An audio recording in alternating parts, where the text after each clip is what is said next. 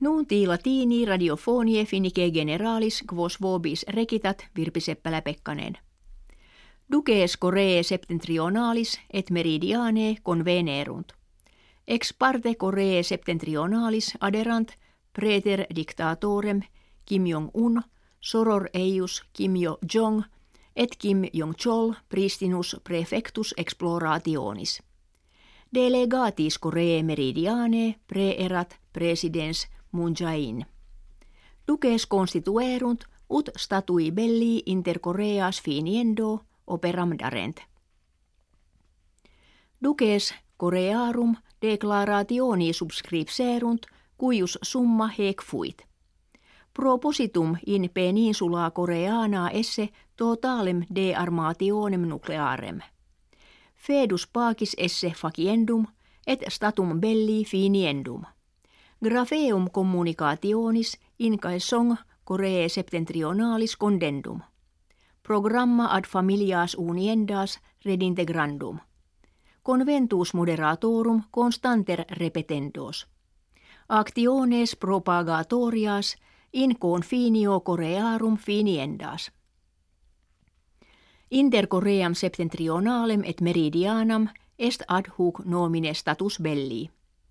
Nunc autem ut declaratum est, omnes actus inimici, tam terra marique, quam in aere finiuntur.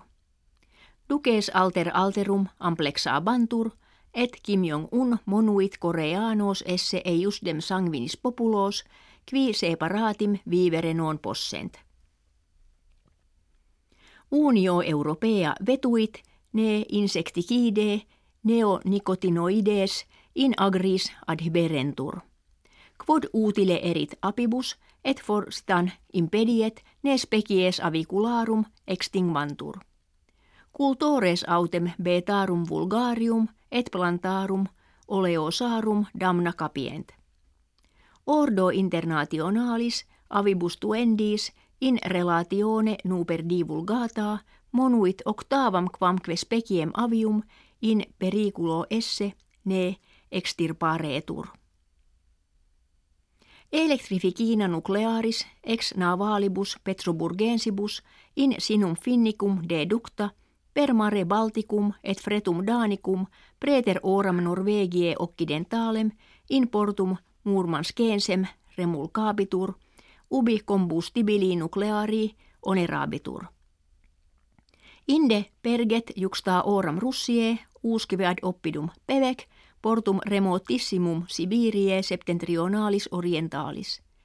Illa electrificina est prima in suo genere. Ab autumno huius anni reactorium eius electricitatem regionibus Russie remotissimis aditudi ficillimis generare incipiet. Pevec est oppidum tam Russie quam totius asie maxime septentrionale – celebre etiam campis carceralibus, inquibus captivi, etate staliniana, uranium, fodiebant.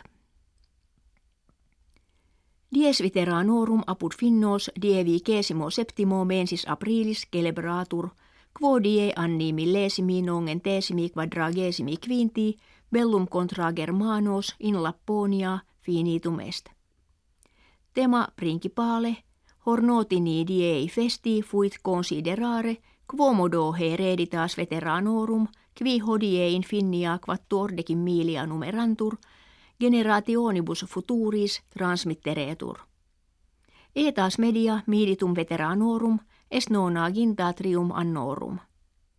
In secundo bello mundano finni contra unionem sovieticam bis pugna verunt, primum soli de inde unacum germanis – denique in Lapponia contra Germanos. In his tribus bellis in parte finnorum sescenta milia virorum et centum milia feminarum interfuerunt. Nuuntis ita finitis gratias auscultatoribus agimus et valedigimus.